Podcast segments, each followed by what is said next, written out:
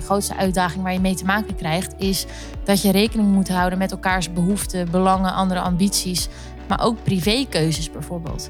En wat je juist ziet bij startende ondernemers is dat natuurlijk vaak vanuit heel groot enthousiasme, naïviteit, positieve naïviteit, uh, wordt gestart vanuit het idee, vanuit het geloof in wat ze willen opbouwen.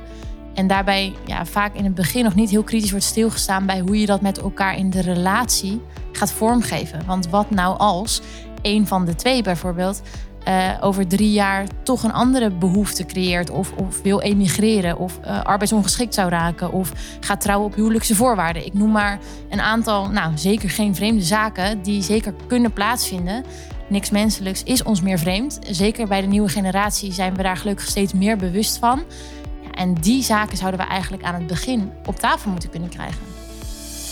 Van harte welkom bij de Ambitie Maakt Verschil podcast. De podcast voor ondernemende mediators en scheidingsprofessionals. Openhartig, eerlijk en puur. We gaan het hebben over uitdagingen, over tegenslag, groei, maar ook over de kansen. We laten ondernemers en experts in dit vakgebied aan het woord. Een inspiratiepodcast over business, ondernemen, bedrijfsgroei en persoonlijke groei. Want ambitie maakt verschil. In deze podcast ga ik in gesprek met Iris Gundel en Erik Baaiens en ik ga hen eens aan de tand voelen rondom het thema preventie. Overal om ons heen gaat het tegenwoordig over preventie. En heel eerlijk, ik heb zelf niet zoveel met dat woord. Misschien vooral omdat het echt overal te pas en te onpas gebruikt wordt en het daardoor zijn doel voorbij schiet. Ik ga ze het hemd van het lijf vragen over hoe zij aankijken tegen preventie. Want de waarde die zij eraan toekennen geeft het een andere betekenis. Ook merk ik dat er steeds meer vragen komen over preventieve mediation. En wat is het nu eigenlijk? Welkom bij deze podcast. Ja, dat klopt. Preventieve mediation vind ik uh, ja, eigenlijk de dienst die opkomt nu in de markt. In die zin de, de behoefte en de vraag is best wel aan het verschuiven. Zowel door de komst van nieuwe generaties als natuurlijk sowieso snelle maatschappelijke ontwikkelingen. Uh, wij houden ons dus heel veel bezig met preventie. Echt vanuit mediation, maar ook qua dienstverlening. Uh, het is echt maatwerk. Heel erg focus op de relatie heel erg op toegang tot kennis, data. Alles gaat natuurlijk heel erg snel. En wat ik in ieder geval zie, is dat die verschuiving in de markt heel erg leidt, zeker in de zakelijke markt, tot veel meer focussen aan de voorkant. Wat ik daarmee bedoel is dus de betekenis voor mij bij preventie, is dat we aan de start van een samenwerking eigenlijk de regie zouden moeten pakken, zouden moeten willen pakken, om het daar vorm te geven vanuit eigen verantwoordelijkheid, eigen behoefte, eigen ambitie in plaats van aan de achterkant de zaken te willen oplossen. Nou, die verschuiving zie ik eh, bij de millennial generatie in ieder geval echt aanwezig. Daarbij zie ik ook dus in de markt echt wel de verschoven behoefte om dingen op een andere manier in te richten. Dus voor aanstaande organisaties als een Tony Chocoloni, een uh, Coolblue, daar zie je natuurlijk al heel nieuwe vormen van dienstverlening, nieuwe vormen van communicatie, nieuwe vormen van uh, service, eigenlijk intern en extern. Nou, dat zijn voorbeelden van verschuivingen die ik zie, waarbij ik me dus echt nu richt op preventieve mediation als vaardigheid, het stuk mediation, maar daarbij dus echt naar de voorkant, ja, om het daar te regisseren met elkaar, om dingen aan de achterkant te kunnen voorkomen. Maar begrijp ik dat dan goed dat dit bijvoorbeeld iets, juist iets eigenlijk heel goed kan werken voor startende ondernemers? Zeker. Ik denk dat het juist daar uh, heel erg belangrijk is om vooraf met elkaar te gaan bespreken. Ja, wat gaan we nu eigenlijk doen met elkaar? Mm ja, we hebben misschien wel dezelfde missie. We willen iets veranderen. En dat is wat de meeste starters willen. Maar willen jullie het ook op dezelfde manier? En kennen jullie elkaar goed genoeg om de rollen die jullie innemen in, dat, in die structuur, om die ook uit te kunnen oefenen? Dus het is heel relevant juist. Ja, ik denk daarop aanvullend, we gaan natuurlijk dan best snel. Het verschil tussen missie en visie wordt daar natuurlijk direct zichtbaar. Dus mensen kunnen vanuit een heel gaaf idee of concept iets met elkaar starten voor de handig. Uh, een eenmanszaak oprichten voor, voor de handig om dan facturen te kunnen sturen. Maar als je met elkaar gaat samenwerken, is dat vaak een van de moeilijkste dingen die er is. De grootste uitdaging waar je mee te maken krijgt, is dat je rekening moet houden met elkaars behoeften, belangen, andere ambities maar ook privékeuzes bijvoorbeeld.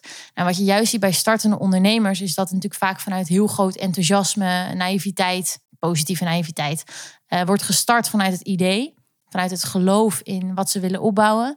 En daarbij ja, vaak in het begin nog niet heel kritisch wordt stilgestaan bij hoe je dat met elkaar in de relatie gaat vormgeven. Want wat nou als een van de twee bijvoorbeeld uh, over drie jaar toch een andere behoefte creëert. Of, of wil emigreren. Of uh, arbeidsongeschikt zou raken. Of gaat trouwen op huwelijkse voorwaarden. Ik noem maar een aantal, nou zeker geen vreemde zaken. Die zeker kunnen plaatsvinden.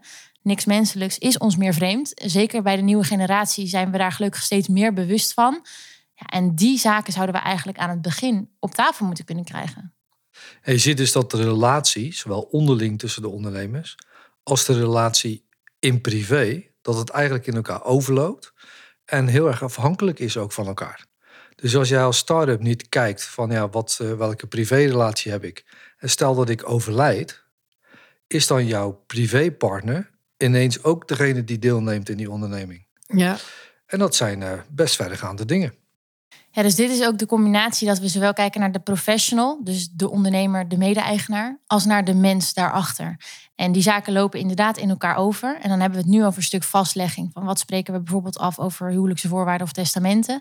Maar ook echt op het bewustwordingsproces van welke verantwoordelijkheid hebben we daarin naar elkaar. En welke behoefte heb jij als mens en welke behoefte heb jij als mede-aandeelhouder. Ja. Maar ik kan me voorstellen, want de onderwerpen die jullie noemen, zijn niet de meest sexy onderwerpen die je gelijk al met elkaar wil gaan bespreken op het moment dat je samen gaat werken.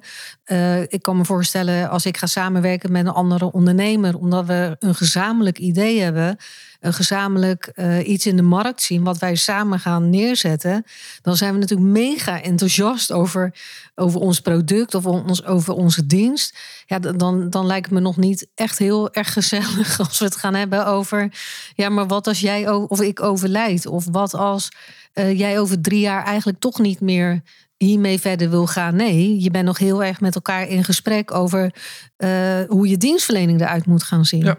Is daar dan wel ruimte voor? Ja, juist. Ik denk juist dat daar de primaire behoefte ligt als ondernemer.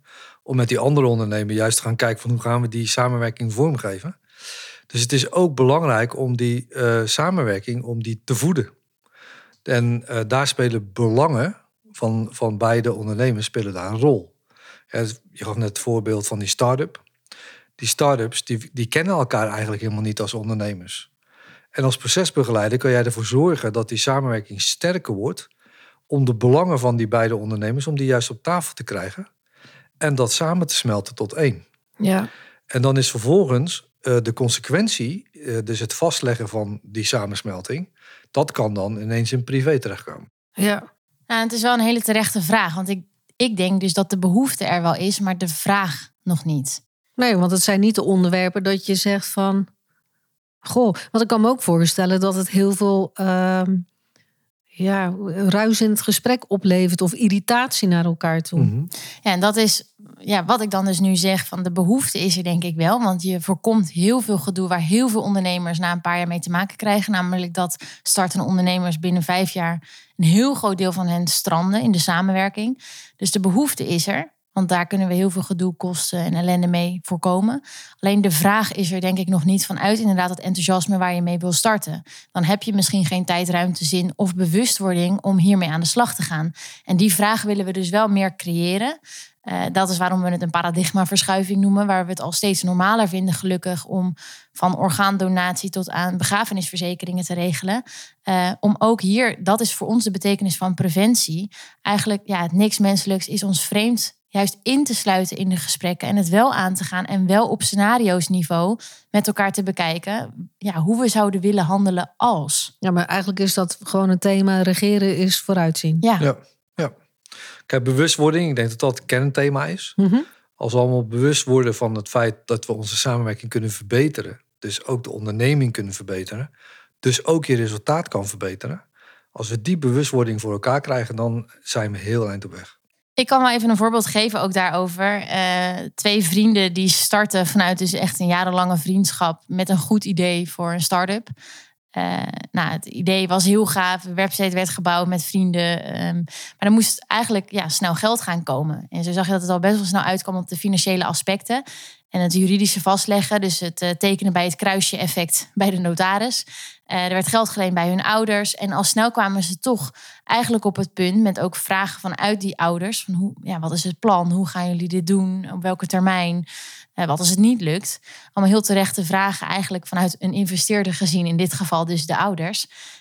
waar eigenlijk die vrienden met elkaar ook op vastliepen. Want de een had ja, ze hadden dus dezelfde missie, maar niet dezelfde visie.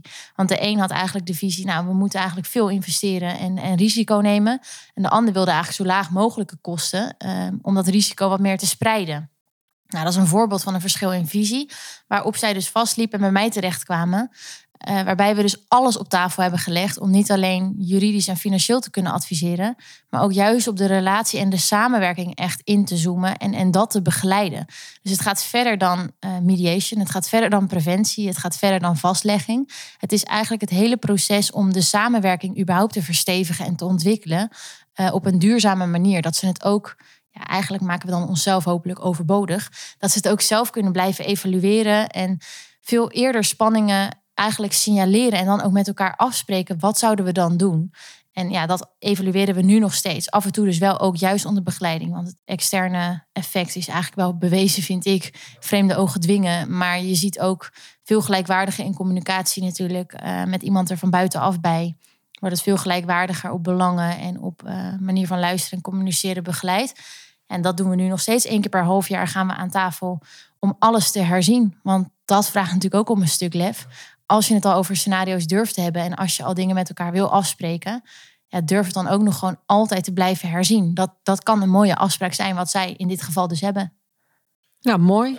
Ik denk dat daar ook best wel steeds meer vraag naar komt. Want inderdaad, wat je aan het begin zei van uh, heel vaak stranden ondernemers uh, die met elkaar gaan samenwerken, toch best redelijk snel.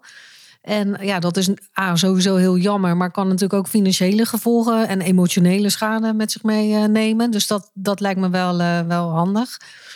Ik heb een, eh, een, een, gewoon eens, het komt nu even in me op, een aantal stellingen voor jullie. En ik ben eigenlijk wel benieuwd hoe jullie daarop gaan reageren.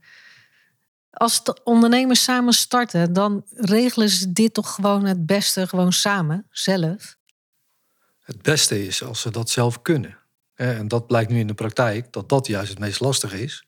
Want dat doen ze namelijk nu ook. Ze, ze beginnen gewoon en dan uh, ja, hebben ze van tevoren wel goede ideeën met elkaar uitgewisseld. Maar vervolgens strandt het dan toch. Dus iets ontbreekt er dan in dat proces. En dat is de externe begeleiding. Ja, waar uh, experts uh, de begeleiding oppakken. En vervolgens ook het samenwerkings-IQ, waar Iris het net over had. Om dat goed met elkaar uit te spreken en vast te leggen. En ik zie ook zeker bij jonge ondernemers natuurlijk, als we ja, daarin toch natuurlijk ook een stuk ervaring of, of kennis en kunde daarin. Je moet eigenlijk wel echt heel goed weten wat je aangaat en, en wat je tekent en wat je met elkaar afspreekt. Want wat ik zei, tekenen bij het kruisje-effect vanuit naïviteit en enthousiasme gebeurt dat natuurlijk toch vaak. Eh, totdat het na een jaar of vier jaar toch misschien net iets anders loopt. En je erachter komt wat je eigenlijk bent aangegaan. En dat je misschien toch andere behoeften of verwachtingen had. En hoe gaaf als we een wereld kunnen creëren waarin iedereen dat helemaal aan de voorkant veel bewuster met elkaar aangaat. Als je gaat trouwen, ga je ook eerst verloven. Uh, dat we gewoon een soort proeftijd met elkaar inbouwen waarin we dit heel goed gaan regisseren en vormgeven voordat we zoiets aangaan. Want daar plukken we alleen maar de vruchten van op de langere termijn. Ja, maar gaat de show van het samen het avontuur aangaan dan niet een beetje eraf als je het echt zo uh, ja, toch op die probleemstellingen moet gaan zitten? Ja, we gaan juist het avontuur aan door niet op de probleemstellingen te zitten, maar door juist op de relatie te gaan zitten. En, en dat is het verschil, vind ik, tussen mediation en preventieve mediation. Dat het van conflict georiënteerd naar relatie georiënteerd gaat. Dus tuurlijk bespreken we, uh, maar dat is het stuk lef wat we dus van iedereen vragen en zelf ook willen bieden. Uh, tuurlijk bespreken we de, de, moeilijke zaken in het leven en de scenario's die we liever niet hopen. Maar hoe gaaf ga je dit avontuur met elkaar aan als je dat bespreekt, hoe je dan met elkaar om wil gaan en wat dan voor iedereen belangrijk is.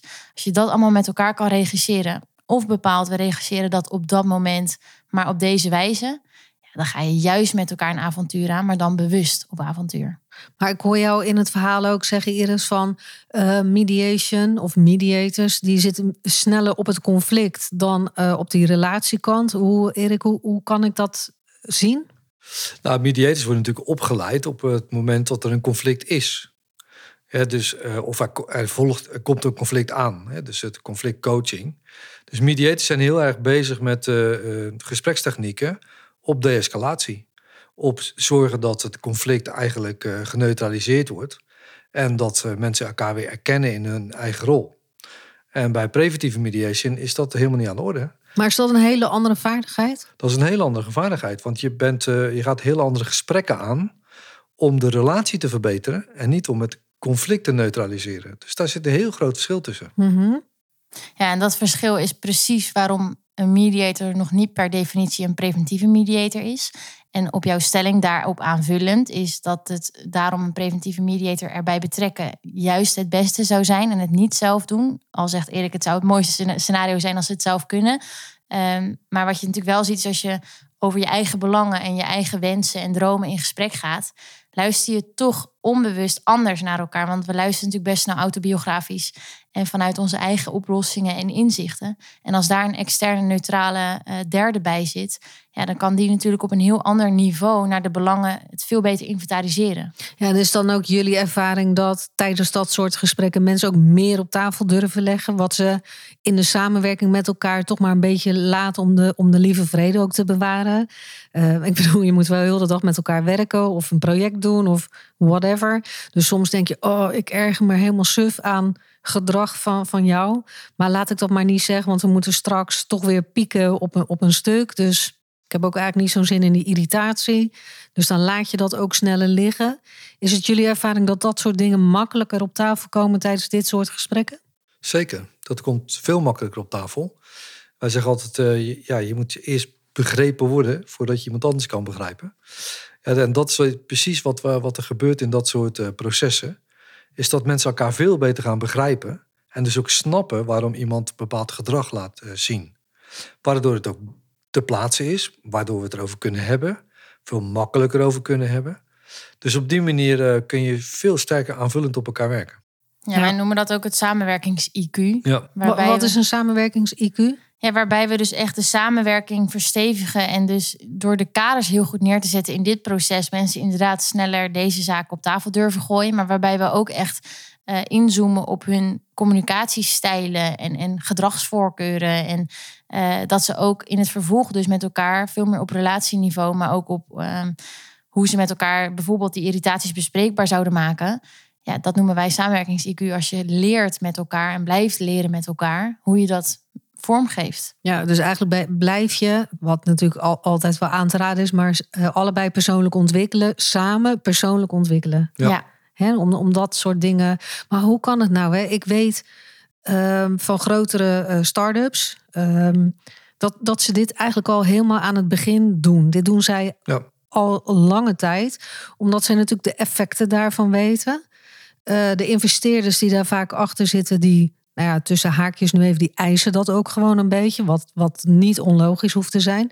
Maar hoe kan het zijn dat het in dat soort start-ups dat zo al een beetje gewoontegoed is. Terwijl dat uh, bij een hele hoop ondernemers nog niet het geval is. Heeft het dan te maken met, met de investeerder daarachter, met het geld wat erin gaat? Uh, waar, waar zit dan dat verschil? Nou, bij startups is natuurlijk altijd het probleem dat de, de, de kernzekerheid, hè, dus waar gaat ik ga geld in stoppen, en hoe zeker is het dat ik het dan uit kan halen? Die zekerheid die wil die investeerder eigenlijk zwaarder maken. En uh, dat betekent dat ze dus een, uh, een prediator inschakelen om vooraf goed te kunnen inschatten van hoe dat die ondernemingen in elkaar zitten. Maar ook de kans van slagen waarschijnlijk. Ja, de kans van slagen wordt dus ook vele malen groter. Ja. Dus, de, dus de kans dat de investeerder zijn geld terugkrijgt, is ook vele malen groter. Ja. Maar is het dan op zich uh, niet, niet zo dat als er echt van buitenaf een, een financiële injectie komt, dat mensen dan, um, ja, dan moet ik het even goed uitleggen, maar serieus daarna gaan kijken van, ja, wat is het doel met het bedrijf? Hoe gaan we het terugverdienen? Dus dan komt er een financiële noodzaak echt, want dat geld Ja. moet terugbetaald worden. Precies. Terwijl als twee ondernemers morgen een fantastisch idee hebben van het idee. Eh, wat jij net schetste eerst met, met die vrienden van jou die die start-up gingen.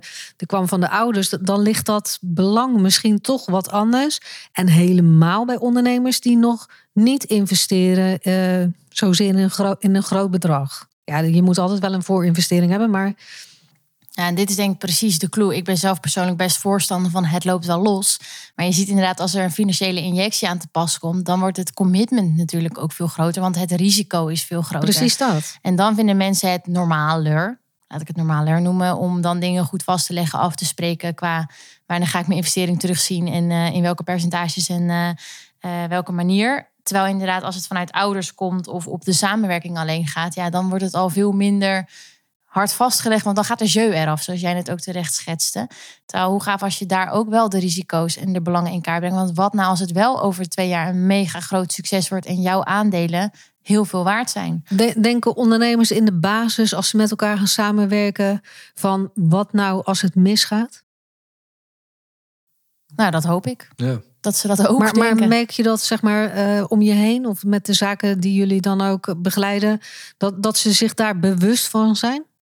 Ja, ik denk bij wat als het misgaat, dat daar wel bewustwording zit, maar vervolgens geen consequentie aan die gedachte wordt geplakt. Dus dat Ja. er geen afspraken over komen. Wat doen we dan? Want ja, als het misgaat, dan betekent dat dat we bijvoorbeeld in een BV-structuur stoppen. Ja. Eh, dus die consequentie is dan vaak nog best wel veilig. Zeker als twee vrienden een BV zouden starten. Als je bijvoorbeeld alweer met eenmanszaak of een stichting... of dan zie je vaak wel iets meer... ja, dat is het risico wat we aangaan. Risico van het vak. Wordt het weggemoffeld, zie ik.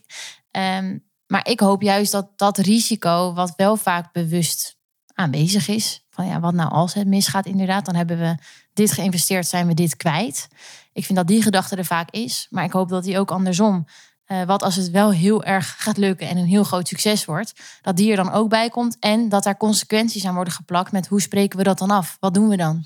Ja, want ik kan me ook voorstellen als eh, twee ondernemers besluiten van, nou weet je, wij geven samen geen licht meer, oftewel dit, dit gaat er niet worden, maar dat je allebei nog wel achter het product of de dienst staat en dat je dan ook een soort gedoe kan krijgen met elkaar van, ja, wie gaat er nu mee verder? Ja. en dat is natuurlijk zo vaak het conflict. Dat is zo zuur. En wij hebben denk ik te vaak aan de achterkant gezeten bij het oplossen van dit soort conflicten. Dat we nu denken, we moeten veel meer naar de voorkant. Ja. Eh, want je ziet gewoon wat het oplevert als je het aan de voorkant regisseert. Als je met elkaar op dan nog de beste intenties en de, en de beste verwachtingen en op de gunfactor ook naar elkaar. Als je het dan weet vast te leggen, wat dan dus natuurlijk ook gewoon bindend is en met elkaar geëvalueerd wordt. Waarbij dus ook spanningen of veranderingen in verwachtingen of iets veel eerder bespreekbaar worden gemaakt. Omdat we dat samenwerkings-IQ begeleiden. Dus wat ik zei, het gaat verder dan mediation. Het gaat verder dan vastleggen. Het is echt het hele proces hieromheen wat we inrichten. Ja, en dat is gewoon ook iets heel tofs. Ja. Dus eigenlijk gewoon het treffen van de voorbereiding van die samenwerking. Ja. En hoe beter je je voorbereiding maakt. Ja, maar het is Hoe wel aardig. Hè? Dus stel je voor twee ondernemers eh, starten een, eh nou, verzinnen het een restaurant. Dan gaan ze natuurlijk beginnen van, goh, hoe ziet het eruit? Wat gaan we voeren in de keuken? Wat wordt de menukaart? Het is allemaal leuk. Maar inderdaad, het, gaat, het gesprek gaat vaak niet over van, stel je voor dat wij een andere kijk op de zaak hebben. Ja. Maar goed, en een stelling. Startende ondernemers kunnen hun startbudget toch veel beter aan andere zaken besteden. Ja, dat, dat is ook een veel gehoorde opmerking natuurlijk. Daar ben ik absoluut niet mee eens. Eh, ehm, je geeft aan de voorkant eh, kosten uit natuurlijk om dat te doen.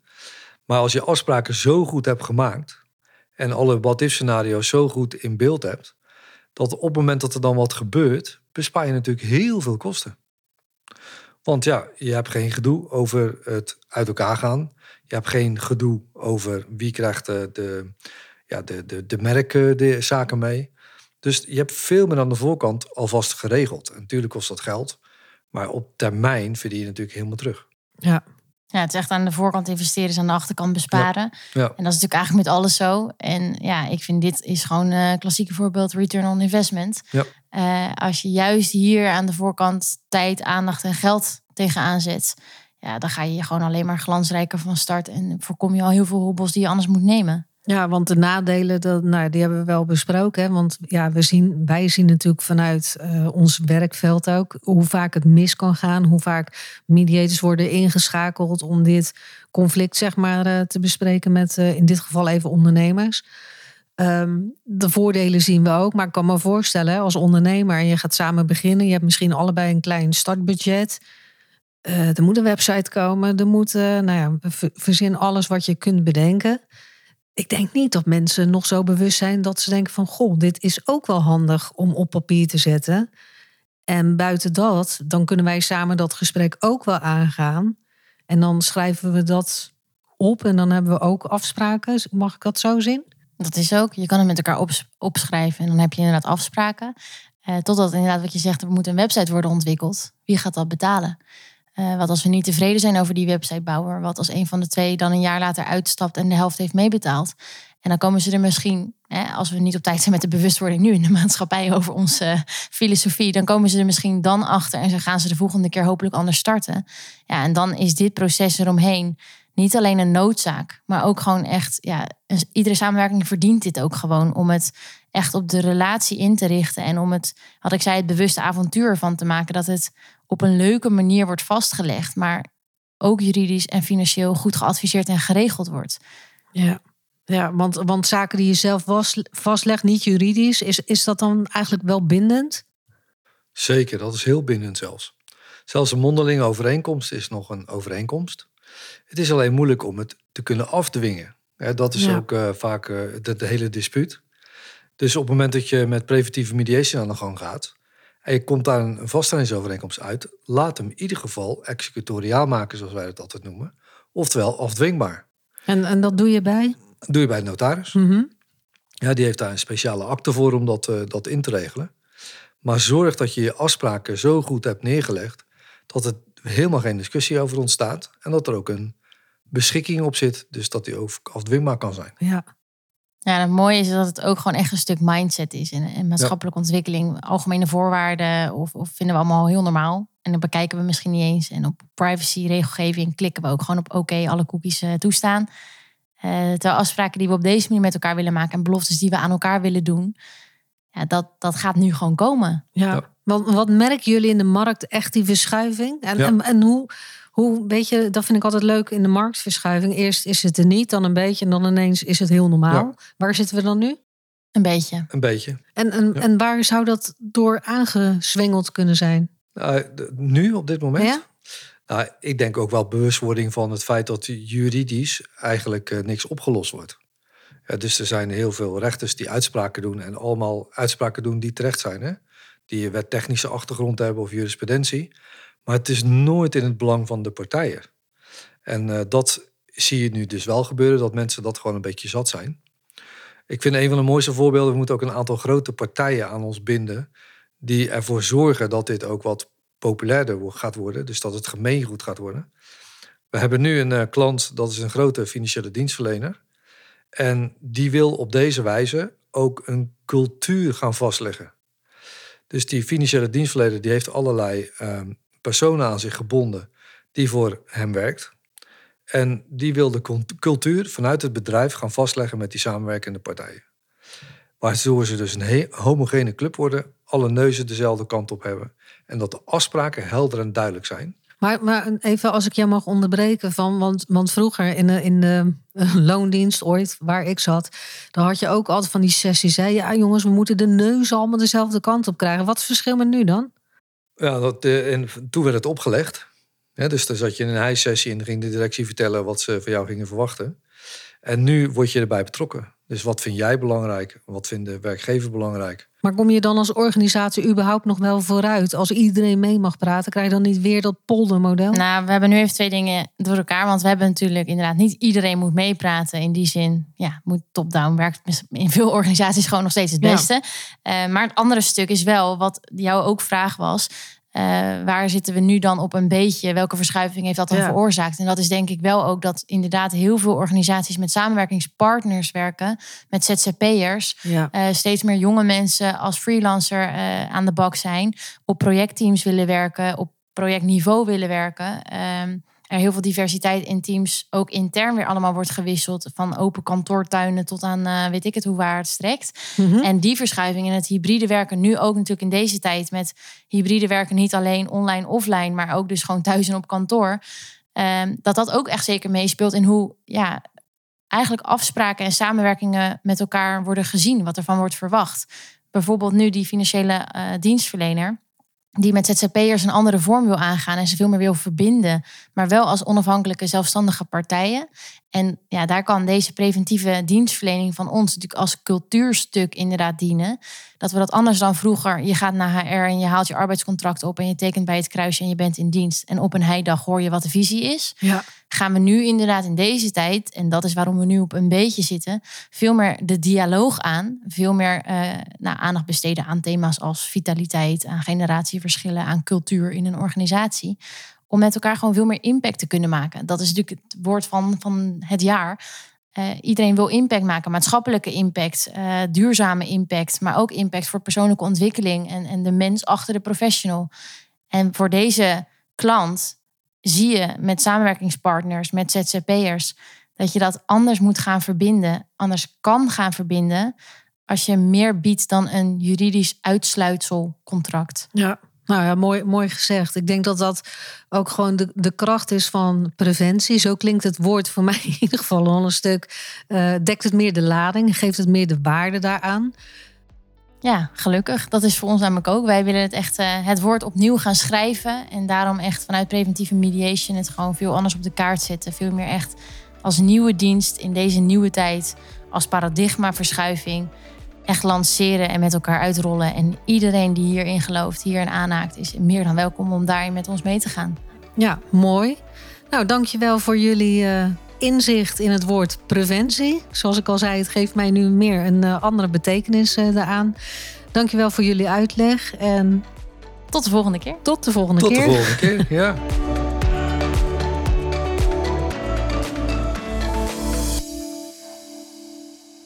Dankjewel voor het luisteren. Uiteraard hopen wij dat jij hier nieuwe inspiratie of inzichten uit hebt gehaald voor weer een volgende stap. Als je met plezier hebt geluisterd en je bent nog niet geabonneerd op onze podcast, abonneer je dan via je favoriete podcast-app. Je kunt natuurlijk ook een review achterlaten. Daar zijn wij enorm blij mee.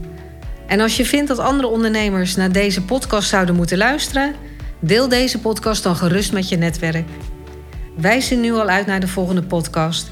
Dus graag tot de volgende keer. En weet, ambitie maakt verschil.